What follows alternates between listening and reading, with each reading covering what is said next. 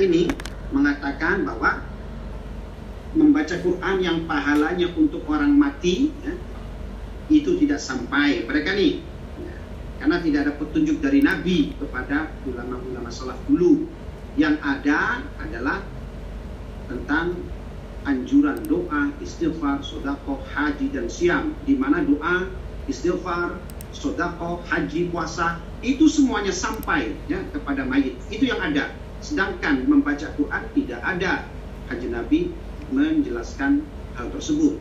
Jadi kata dia mereka nih orang-orang salaf ini. Jadi seandainya seandainya membaca Quran itu dianggapnya atau diklaim sampai kepada mayit, maka pasti Nabi juga menjelaskannya dan mereka pasti melakukan itu. Nah, para sahabat para salaf itu. Itu ya. Jadi mereka ini mengaku ini bahwa istighfar, doa, sedekah, haji, puasa itu manfaat untuk mayit. Ya, doanya orang hidup, istighfarnya orang hidup, sodakonya orang hidup, hajinya orang hidup, puasanya orang hidup yang dihadiahkan pahalanya kepada orang mati itu sampai karena itu ada dalilnya. Ya, kata mereka nih dalilnya. Sedangkan baca Quran mana dalilnya? Kajian Nabi kalau memang itu sampai pasti ada petunjuk dari Nabi tentang hal tersebut dan mereka pasti melakukannya. Nah, sekarang jawabannya gimana? Coba lihat halaman 308. Udah di-scan para Vin? Sudah sudah dibagi, Ustaz. Sudah dibagi ya. Fal jawabu. Nah, ini mulai jawabannya nih. Kalau ada pertanyaan seperti itu ya. Fal jawabu. Anna mauridu hada su'ali in kana mu'tarifan bi usuli tawabil haji was siyami wad du'ai wal istighfari qila lah. Jawabannya adalah begini. di balik pertanyaan mereka atau pernyataan mereka terdapat sebuah kesimpulan bahwa mereka mengakui mu'tarifan mereka itu mengakui sebenarnya tanpa sadar ya mengakui pahala dengan sadar dengan sadar mereka mengakui dengan sadar sampainya pahala haji pahala puasa doa dan istighfar kepada mayit untuk mayit. Itu jelas mereka akui itu. Nah sekarang qila lahu. Coba tanya balik kepada mereka. Ma hadhil khasiyatu allati mana'ta wusula thawabil qur'ani. Awas harokatnya. Ma hadhil khasiyatu allati mana'ta wusula thawabil qur'ani waqtabta waqtabta waqtabta wusula thawabi hadhil a'mali. Dah harokatnya cukup jelas waqtab waqtabta. Donnya sukun juga. Waqtabta wusula thawabi hadhil a'mali. Katakan kepada mereka apa yang menjadi alasan engkau melarang atau mengatakan tidak sampainya membaca Al-Quran, pahala baca Quran pada mayit, sedangkan kalian sendiri menghukumi menghukumi amal-amal di atas seperti haji, puasa, doa, istighfar itu sampai. Apa perbedaannya? Apa alasannya? Jika kalian melarang atau tidak mengatakan bahwa pahala baca Quran kepada mayit ini tidak sampai, sedangkan kalian sendiri menghukumi sampainya pahala haji, puasa, doa, istighfar. Apa bedanya? Apa yang menjadi alasan? Wahal hada illa tafriq bainal mutamathilat. Padahal itu sama. Amalan-amalan salih. Wahal hada illa tafriqun bainal mutamathilati. Wahal hada illa tafriqun bainal mutamathilat. Ini hanya memetak-metakan tafriq, memetak-metakan atau juga membeda-bedakan hal-hal yang serupa, hal yang sama. Walhada, bukankah ini, bukankah ini memecah atau misah-misah persoalan yang sama atau hal yang sama, substansinya sama. Ya. Wa illam ya'tarif sama sebenarnya. Haji, puasa, doa, istighfar adalah amalan-amalan orang hidup yang nyatanya bisa hadiahnya disampaikan kepada orang mati. Membaca Al-Quran adalah amalan-amalan orang hidup yang pahalanya disampaikan kepada orang mati. Sama, amalan berupa amal soleh. Hanya bedanya, bedanya dalam hadis Nabi itu teksnya adalah haji, puasa, doa, istighfar. Sedangkan baca Quran tidak ada. Padahal sama, substansinya sama. Bahwa haji amalan saleh, puasa amal saleh, doa amal saleh, istighfar amal saleh, baca Quran amal saleh, semuanya sama. Jadi wahal hada illa tafriqun bainal mutamathilat. Ini adalah usaha untuk membeda-bedakan sesuatu yang sama sebenarnya. Wa illam ya'tarif itu. Sedangkan kalau mereka tidak mengakui wa illam ya'tarif biwusuli tilkal asya'i ilal mayyiti sedangkan jika mereka tidak sampai tidak mengatakan kalau jika mereka tidak mengakui sampainya amalan-amalan tersebut di atas kepada mayit seperti haji, puasa, padahal mereka kan mengakui itu sampai. Tapi kenapa mereka beda-bedakan dengan membaca Al-Quran? Padahal substansinya sama, amal solanya sama. Kalau mereka mengakui sampainya pahala haji, puasa, doa, dan istighfar, maka mereka telah mengkotak-kotakan, memisah-misah sesuatu yang sama. Padahal sama-sama amalan-amalan soleh. Kalau mereka mengakui ya, pahala haji, puasa, istighfar itu sampai. Mereka telah membeda-bedakan amal-amalan soleh. Seandainya mereka tidak mengakui pahala haji, puasa, doa, istighfar lebih-lebih. Wa illam ya'tarif biwusuli tilkal asya'i jika mereka tidak mengakui sampainya pahala amalan-amalan tersebut ilal mayyiti kepada mayit fahuwa mahjujun bil kitabi was sunnati wal ijma'i wa qawaidis syar'i fahuwa mahjujun bil kitabi was sunnati wal ijma'i wa qawaidis syar'i.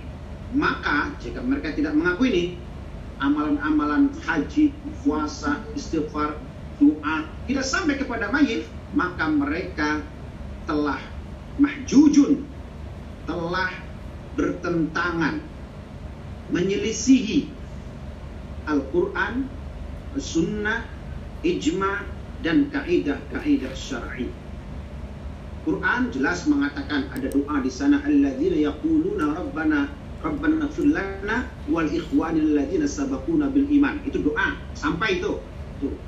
Bertentangan dengan Al-Quran sendiri was sunnah juga sunnah jelas karena Nabi mengatakan pahala haji puasa doa istighfar itu sampai ijma ijma itu karena para sahabat-sahabat tidak ada tidak ada yang mengatakan larangan yang mengklaim melarang membaca Al-Quran dan Al-Quran untuk, untuk si mayit pahalanya itu tidak ada dari kalangan salaf. Tidak ada satupun dari kalangan salaf yang melarang yang mengatakan tidak sampainya pahala membaca Al-Quran kepada mayit.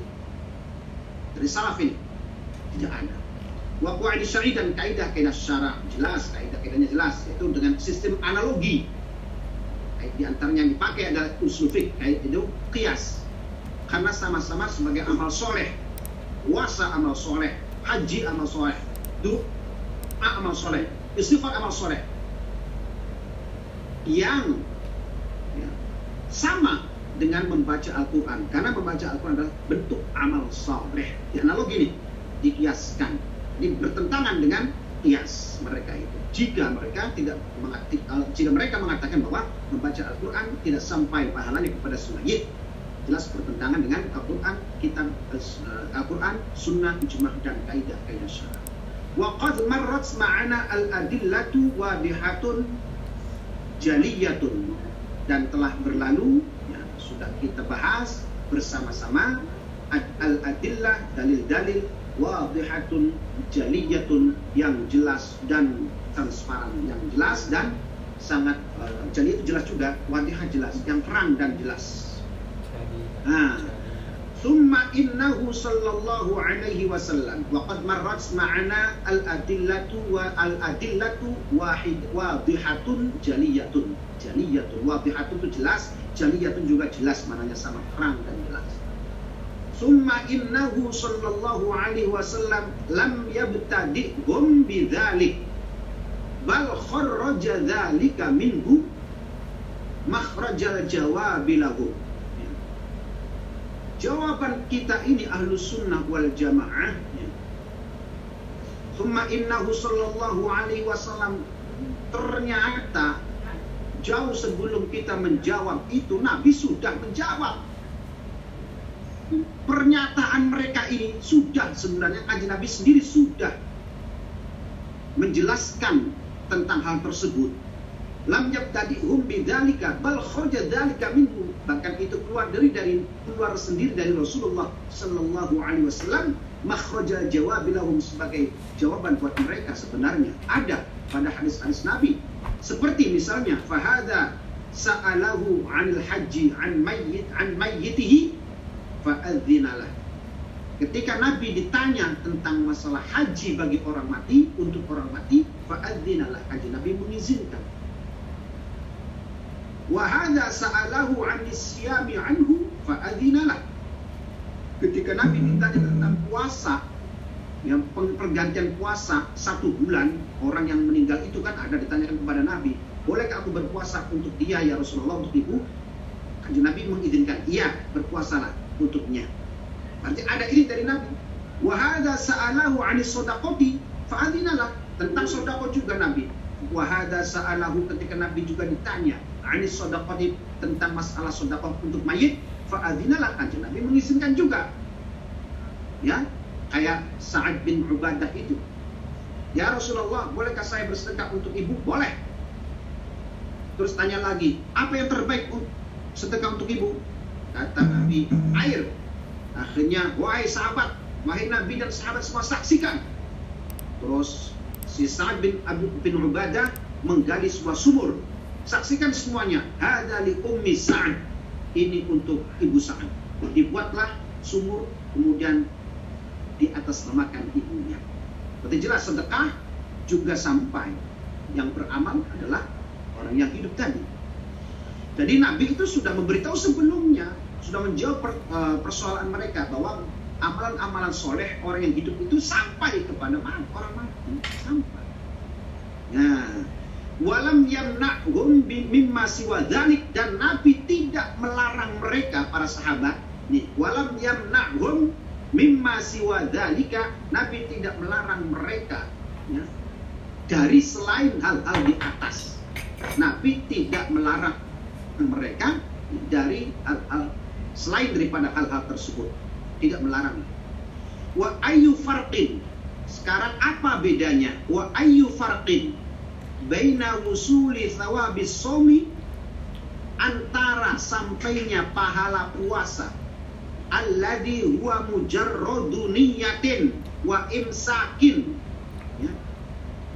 alladhi huwa mujarradu niyatin wa imsakin yang hanya terpaku pada masalah niat dan menjaga dari makan minum imsak berjima ya wa baina usuli thawabil qiraati wa dzikri dan antara sampainya pahala membaca Al-Qur'an dan zikir.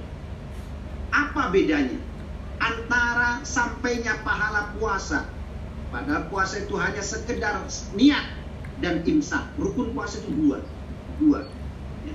Apa bedanya antara sampainya pahala puasa yang hanya anak mujar itu hanya mujarab itu hanya yang hanya membutuhkan niat dan imsak, imsak itu tidak makan, minum dan jima, namanya imsak.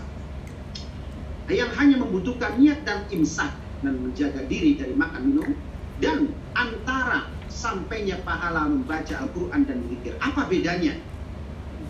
Wa qala rahimahullahu ma nasuhu. Wa qala rahimahullahu ma nasuhu. Siapa wa qala rahimahullah ini? Taimiyah. Ibnu Taimiyah.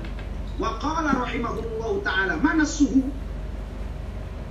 Imam Ibnu Taimiyah berkata, apa nasnya? wa hadha amalun nasi hatta al-munkirina fi sairil a'sari wal amsori min ghairi nakirin minal ulama wa hadha amalun nasi hatta al-munkirina fi sairil a'sari wal amsori min ghairi nakirin minal ulama'i. Artinya adalah wahada amalun nasi ini adalah amalan orang kaum muslimin hatta mungkirina.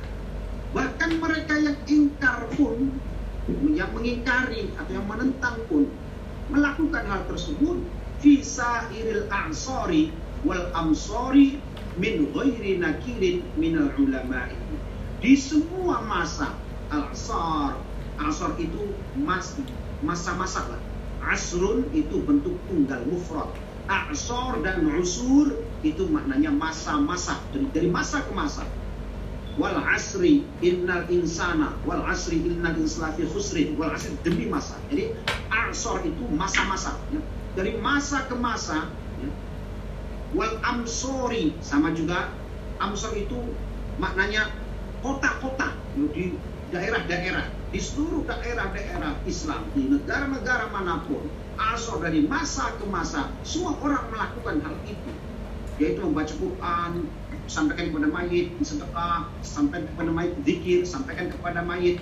Min ghairi nakirin dari masa ke masa min ghairi nakirin tanpa ada pengingkaran pun uh, sedikit pun minal ulama dari ulama. Tidak ada semua bahkan yang mimpin itu para ulama yang melakukan itu para ulama. Dan tidak ada pertentangan tidak ada apa uh, penentangan dari ulama-ulama. Karena memang yang menjalankan semuanya para ulama. Jumhur ulama para ulama sehingga tidak apa tidak ada yang menentang. Itu As. Waqala Syekhul Imamu Abu Muhammad bin Qudamah Al-Maqdisi. Ini dari kalangan Hambalin Sadatil Hanabilah para pembesar salah satu pembesar guru besar ya, mahal guru dari madhab uh, Hambali. Syekh Al-Imam Abu Muhammad bin Qudamah Al-Maqdisi. Fi akhir kitabil janaizi min mughnihi. Syekh Al-Imam Abu Muhammad bin Qudamah Al-Maqdisi berkata di akhir ya, Kitabul Janais di akhir kitab yang bernama Mughni Mughni. Mughni di akhir bab Kitabul Janais di akhir uh, bab tentang masalah jenazah. Kitabnya namanya Mughni Al Mughni itu karangan Imam Abu Muhammad bin Qudamah Al Maqdisi di akhir pembahasan bab janais Imam Abu Muhammad bin Qudamah Al-Maqdisi berkata, mana su? Bagaimana perkataannya? La baksa, dengar baik-baik. Ya, ini Syekh Al-Imam Abu Muhammad bin Qudamah Al-Maqdisi salah seorang panutan atau marji' tempat rujukan atau juga uh, panutan rujukan kiblat bagi para ulama-ulama Hanabilah guru besar Beliau berkata, la ba'sa bil qiraati indal qabri. Tidak masalah membaca Al-Qur'an di kuburan juga tidak masalah. La ba'sa bil qira'a indal qabri. Tidak ada masalah, no problemo. Membaca Quran di samping kuburan, di area kuburan, tidak masalah. Kata beliau, subhanallah. Ini harusnya nih orang-orang Hanabilah yang ngaku-ngaku pengikutnya Imam Ahmad bin Hambal, pusat-pusat muda di Indonesia itu, yang mengeluh-elukan Imam Ahmad bin Hanbal. Bahwa Imam Ahmad bin Hanbal jutaan hadis yang hafal. Imam Ahlus Sunnah yang luar biasa. Nah, mereka harus ikuti mestinya. Harus ikuti Imam Ahmad bin Hanbal harusnya. Mereka yang mengeluh-elukan Imam Ahmad bin Hanbal ya. terus ulama-ulamanya seperti Imam Muhammad bin Qudam al-Maqdisi ini beliau mengatakan la ba'sa bil qira'in al-qabri Imam Ahmad bin Hanbal mengatakan boleh. Kemudian Syekh Imam Abu Muhammad bin Qaddam Al-Maqdisi Al-Hambali juga mengatakan la ba'sa bil qiraati 'inda al-qabri. Tidak masalah baca Quran di kuburan. Harusnya mereka mengikuti ulama-ulama besar dari kalangan Hambali dan Imam Hambali yang mestinya seperti itu. Dan mereka merasa jadi mujtahid sendiri, melebihi satu sisi mau muji-muji uh, Imam Ahmad bin Hanbal. Memuji-muji Imam Abu Muhammad bin Qudam al-Maqdisi. Karena mereka juga mengaji kitab kitabnya Imam Muhammad bin Qudam al-Maqdisi. Karena ini salah satu ulama besar Hanabilah tapi ketika berbenturan dengan uh, pemahaman mereka sendiri mereka akhirnya tidak mau mengikuti. Merasa lebih hebat daripada Imam Abu Muhammad bin Qudam merasa lebih hebat daripada Imam Ahmad bin Hanbal sendiri. Padahal lihat Imam Ahmadnya kemudian imam uh, besar-besarnya seperti itu hambal itu memperbolehkan baca Quran di kuburan. Nah, coba lihat orang-orang hambali di Indonesia orang Nasrani Wahabi. Sama sekali mereka tidak akan pernah ke kuburan karena dalam apa pikiran mereka orang datang ke kuburan itu itu adalah syirik karena bertawasul di sana. Jadi mereka tidak mau dekat-dekat dengan kuburan karena dianggapnya apa? Hah? karena membuka pintu kesyirikan. Jadi jadi mereka menutup diri atau menutup hal itu kenapa? Karena nanti akan terjadi kesyirikan. Dalam madhab Maliki itu namanya satu dara'i' ya atau mm, menutup pintu masuknya pintu masuknya agar orang tidak terjebak terjerumus pada kemusyrikan itu tuh padahal jelas-jelas tabarukan tawasulan juga legal sah boleh gitu dan mereka tidak mau ziarah kubur uh, dengan membaca Quran di sana karena dianggapnya itu membuka pintu kesyirikan aneh bin ajaib. Ah, lanjut.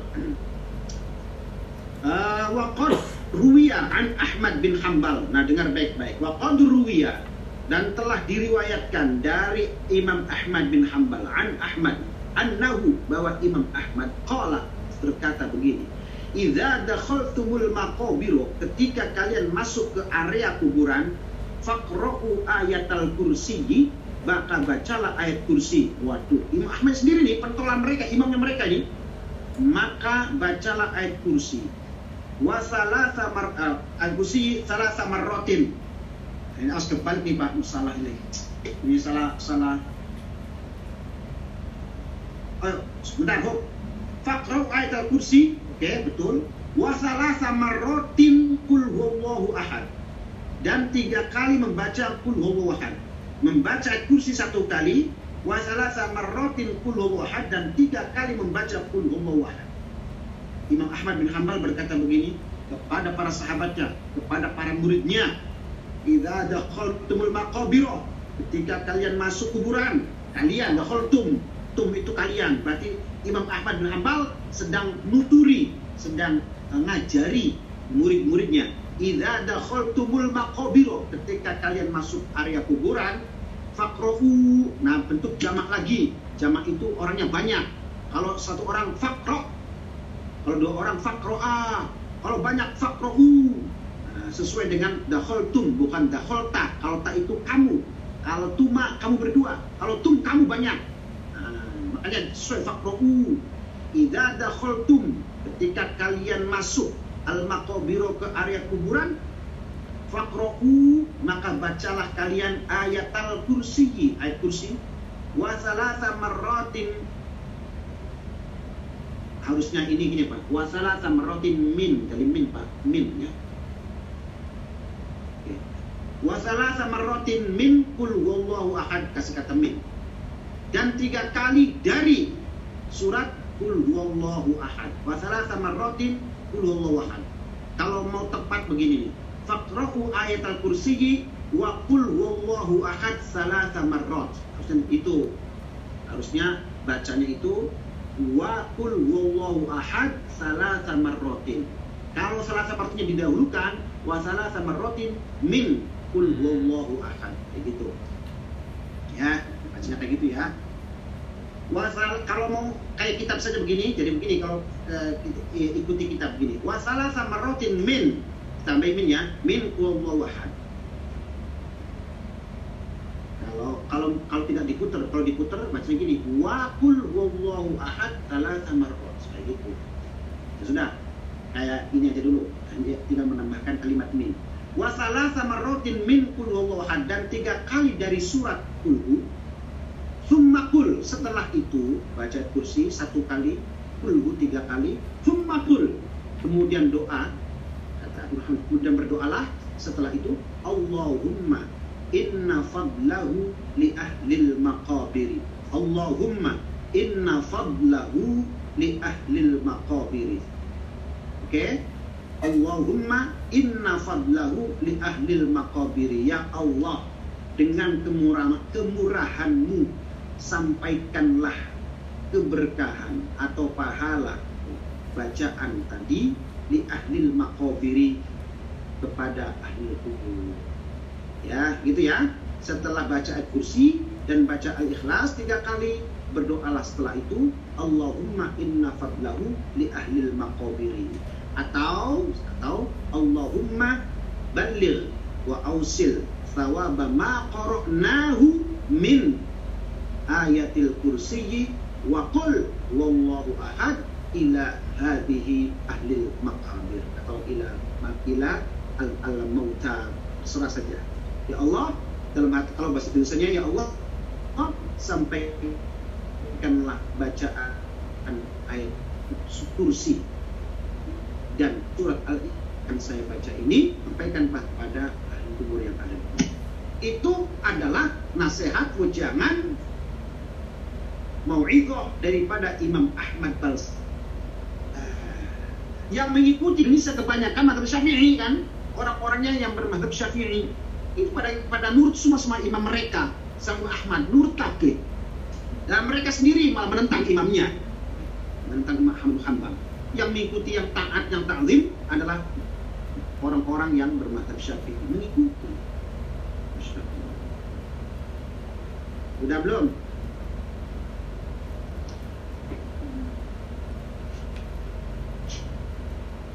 Sedikit lagi, sedikit lagi ya.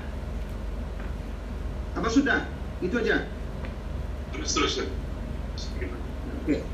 Wa qala al-Khallalu, Imam Khalal berkata, Haddatsani Abu Ali Al-Hasan bin Al-Haytham Al-Bazzar menceritakan kepadaku Abu Ali Al-Hasan bin Al-Haytham Al-Bazzar. Dia adalah Syekhuna guru kami as yang terpercaya al-ma'munu yang amanah. Yang bisa dipercaya dan amanah. Qala.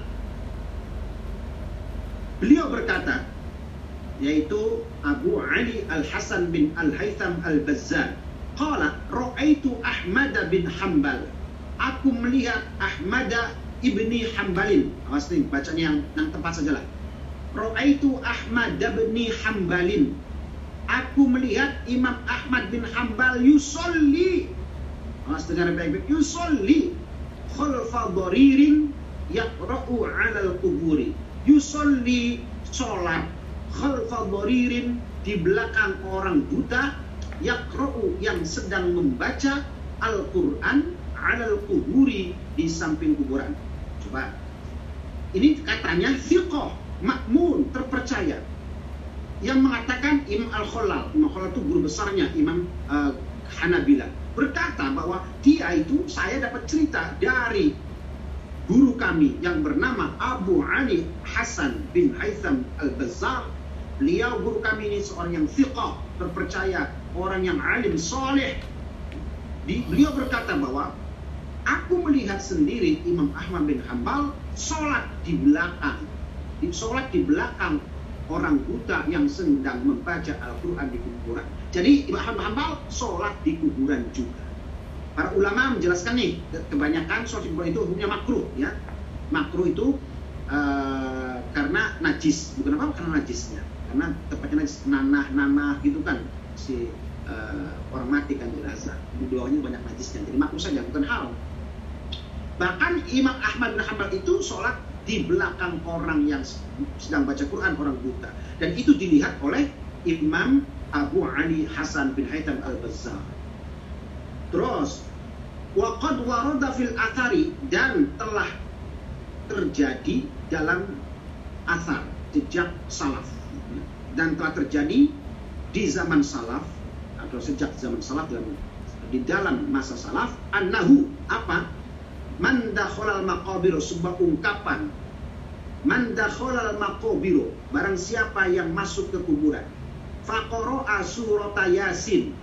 Kemudian membaca surat yasin. Man dakhalal maqabir barang siapa yang masuk ke kuburan faqara'a surat yasin. Kemudian membaca surat yasin khuffifa anhum idzin maka saat itu khuffifa anhum yauma maka saat itu semua ahli kubur yang ada di situ diangkat siksanya oleh Allah khuffifa diringankan atau diambil siksanya pada saat itu wa kana lahu bi'adadi man fiha hasanas dan orang yang membaca surat Yasin di situ mendapatkan pahala kebaikan-kebaikan orang yang dikubur di area tersebut. Kalau kuburnya banyak, maka kebaikan orang-orang di kubur di situ diberikan kepada yang membaca surat Yasin. Orang yang matinya diangkat siksanya, yang membacanya mendapatkan kebaikan-kebaikan orang yang dikubur di, di area di kuburan tersebut. Makanya gemar ziarah baca Quran di sana. Di samping kita dapat pahala orang-orang yang mati di sana, kalau kita ziarah nih ke Sunan Gunung Jati misalkan, itu berapa banyak tuh di komplek Tanjung Sunan Gunung Jati. Orang-orang mati di sana, banyak sekali di sana. Nah, kebaikan-kebaikan mereka itu kita dapatkan yang membaca. Nah, ahli kuburnya, ahli kuburnya mendapatkan nah, manfaat berupa diambilnya siksa mereka oleh Allah berkah surat Yasin yang kita baca. Oh, ya Allah, ya Allah. Makanya kalau pulang, yang punya orang tua, punya guru, punya kakak, punya bibi yang sudah meninggal, ziarahi, ziarahi. Di samping Anda mendapatkan kebaikan dari orang yang dikubur di darah itu, di kuburan itu, pahala, kebaikan mereka-mereka, dan mereka juga diangkat siksanya. Tapi awas, tentang hal ini khusus uh, surat Yasin. Ya kalau dia baca surat Yasin ya, karena teksnya itu teksnya adalah surat Yasin. Boleh sih baca-baca yang lain, silakan. Ke surat apa ke uh, Tabarok atau surat apa saya silakan, silakan. Tapi di sini dari asar yang uh, ada adalah surat Yasin. Mang dakhalal maqabira faqara'a surat Yasin khuffifa anhum yawma idzin maka diangkat siksa-siksanya para ahli kubur di situ ketika dibacakan surat Yasin di atasnya. Kemudian orang yang bacanya wa kana lahu bi'adadi man fiha hasanat mendapatkan kebaikan-kebaikan orang yang berada yang dikubur di situ. Wa warada aidan dan juga ada sebuah athar juga itu juga annahu bahwa manzaro athar manzaro walidayhi faqara'a indahu au indahuma yasin ghufiralah barang siapa yang berziarah kepada kedua orang tuanya manzara walidehi yang sudah meninggal faqara'a indahu kemudian membaca di samping kuburan orang tuanya au indahuma atau di samping keduanya indahu itu bisa salah satu di antara orang tuanya sudah meninggal. Faqara indahu. Dia baca Quran di sampingnya au indahuma atau di samping keduanya kalau keduanya meninggal. Ya kalau satu ya ya indahu kalau indahuma berarti dua-duanya.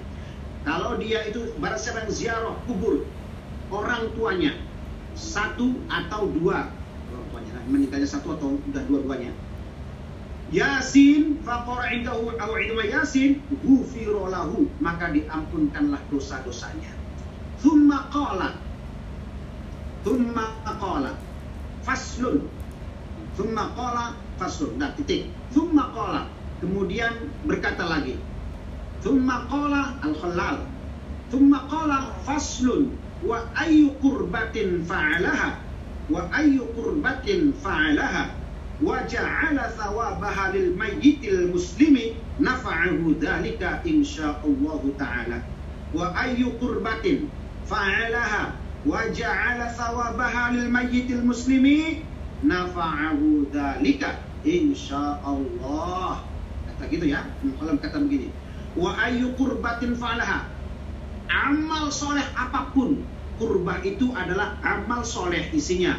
Kurbah itu diambil dari kalimat dekat. Jadi amal soleh yang untuk mendekatkan diri kepada Allah. Namanya kurbah wa ayyu kurbatin fa'alaha. Amal soleh apa pun yang dilakukan oleh seseorang waja'ala thawabaha dan pahalanya dijadikan atau diperuntukkan lil mayyitil muslimi untuk mayit muslim nafa'ahu maka akan bermanfaat bagi si mayit. Nafa'ahu dzalika. Dzalika itu itu. Maka hal itu akan membawa manfaat bagi si mayit. Insya Allah taala insya Allah kalau Allah menghendaki. Paham ya? Insya Allah taala. Paham kan nih kajian ini nih? Paham, paham, insyaallah. Amma Pertanyaan? aku Allah. Selesai.